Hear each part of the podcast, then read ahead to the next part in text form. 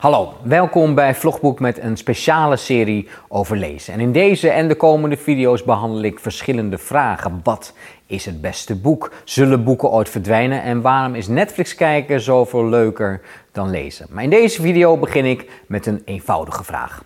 Waarom lezen mensen? Want iedereen, of je nu veel of weinig leest, heeft verhalen nodig. Het is een levensbehoefte, zowel voor kinderen als voor volwassenen. Echt waar. Deze serie wordt een ontdekkingstocht langs feiten, hardnekkige mythes en interessante weetjes over lezen. En één ding ga ik je alvast beloven: na deze video's zal lezen nooit meer hetzelfde zijn.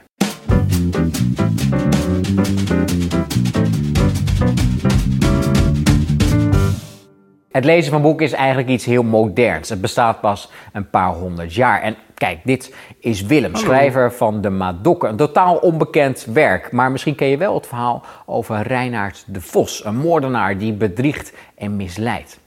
Dat is ook van Willem. Toen Willem Reinaard de Vos schreef, ergens in de 13e eeuw, konden alleen monniken en hele rijke mensen chocola maken van al die letters. Pas in de eeuw erna, nadat de boekdrukkunst was uitgevonden, konden steeds meer mensen lezen en ontstond de roman. En het idee van lekker in je eentje een boek lezen. Maar in de tweede helft van de 20e eeuw raakte het lezen van boeken op zijn retour. En daarom hoor je men ook regelmatig spreken over de ontlezing.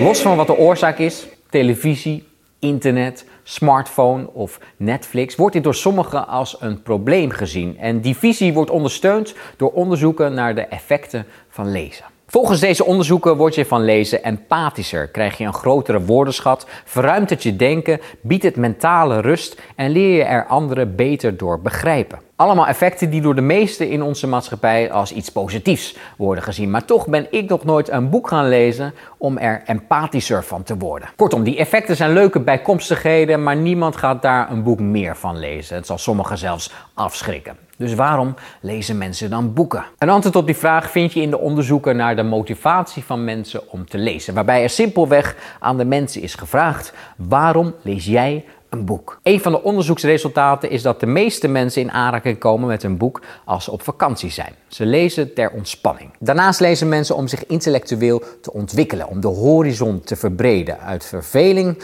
of omdat ze denken dat dat statusverhogend werkt. Haha, kijk mij hier een heel ingewikkeld boek lezen. Zo zo, dat is knap. Zo krijgen we al iets van een antwoord op de vraag waarom mensen lezen. Maar om tot een echt antwoord te komen, moeten we ons denk ik niet blind staren op boeken en de vraag aanpassen. Want boeken zijn slechts één manier om verhalen tot je te nemen. In de tijd van Willem en al die eeuwen ervoor werden verhalen vooral verteld. Informatieve verhalen over wat de koning voor nieuwe regel had bedacht, maar ook spannende en grappige verhalen. En daarom sloeg hij zijn kop eraf.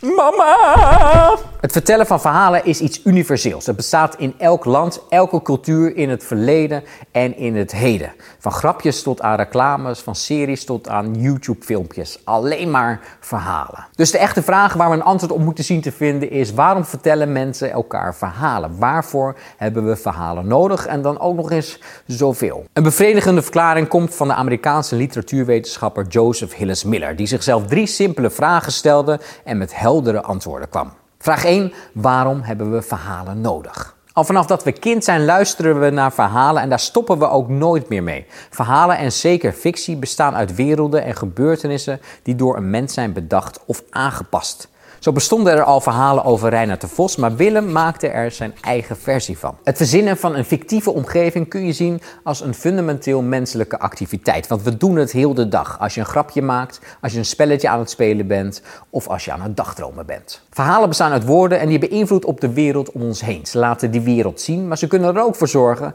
dat we de wereld op een andere manier bekijken. Ze bevestigen wat we al weten, geven ons nieuwe ideeën of breken ons beeld van de wereld gewoonweg af. En die dubbele actie van bevestigen en afbreken, dat lijkt essentieel te zijn voor verhalen. We leven namelijk in een wereld die constant verandert en aan die veranderingen moeten we woorden geven, die moeten we duiden, terwijl we er tegelijkertijd zeker van willen zijn dat er ook een onveranderlijke basis is. Zo kunnen verhalen over goed en slecht ons doen geloven dat we moreel aan de goede kant staan. Vraag 2. Waarom hebben we dan steeds hetzelfde verhaal nodig? Jonge kinderen willen graag hetzelfde verhaal steeds opnieuw voorgelezen worden. Ze scheppen genoegen in het herbevestigen van wat ze al weten, maar hebben ook plezier in het herkennen van patronen en de voorspelbaarheid van het verhaal. Maar ook volwassenen verlangen naar voorspelbaarheid en herhaling. Of je nu een serie kijkt, naar de bioscoop gaat of een boek leest, al die verhaallijnen zijn terug te brengen tot een handjevol plots. Zo weet iedereen hoe een aflevering van Baantje eindigt, dat soapseries altijd cliffhangers bevatten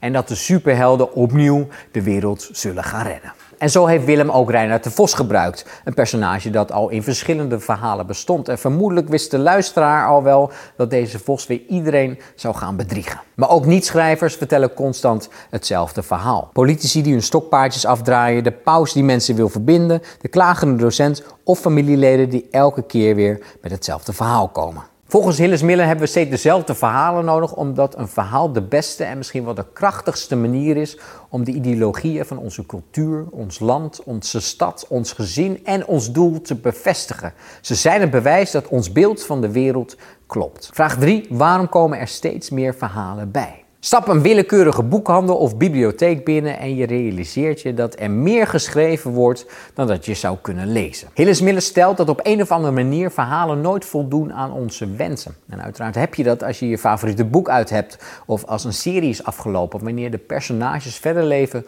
zonder jou. Maar los van de liefde voor personages is het logisch dat er geen verhaal bestaat dat jouw hele wereld kan bevestigen. Elk verhaal roept weer nieuwe vragen op of creëert gaten en daarom hebben we weer een nieuw nodig. Om die veranderende wereld om ons heen te kunnen duiden, zijn er natuurlijk ook verhalen nodig die nog niet bestaan.